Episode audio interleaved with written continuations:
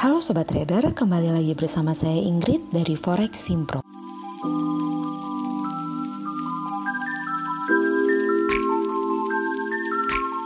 Hari ini kita akan membahas mengenai mengukur sepi atau ramainya waktu pasar Forex. Bagi seorang trader Forex, hal yang penting adalah pasar sedang ramai atau sepi.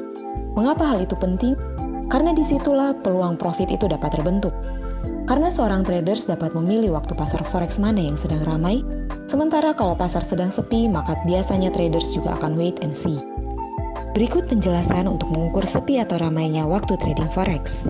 Ramai dan sepinya pasar forex diukur dari simpangan selisih pergerakan harga, yakni satuan pergerakan harga terkecil yang dihitung dalam satuan pips pada setiap mata uang dalam satu waktu tertentu.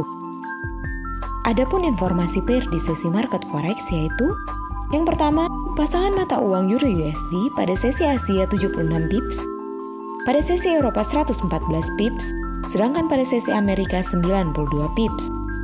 Pasangan mata uang GBP USD pada sesi Asia 92 pips, pada sesi Eropa 127 pips, sedangkan Amerika 99 pips.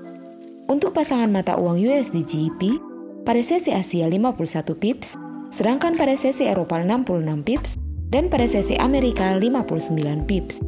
Berdasarkan penjelasan tadi, kita dapat mengambil kesimpulan bahwa pergerakan harga yang lebih besar itu hanya di sesi Eropa dan Amerika dibandingkan di sesi Asia.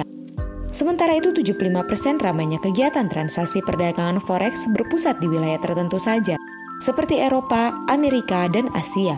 Lalu 25%-nya lagi berada di wilayah lainnya. Lagi pula untuk jam kerjanya memang tidak berpengaruh apa-apa pada waktu trading forex.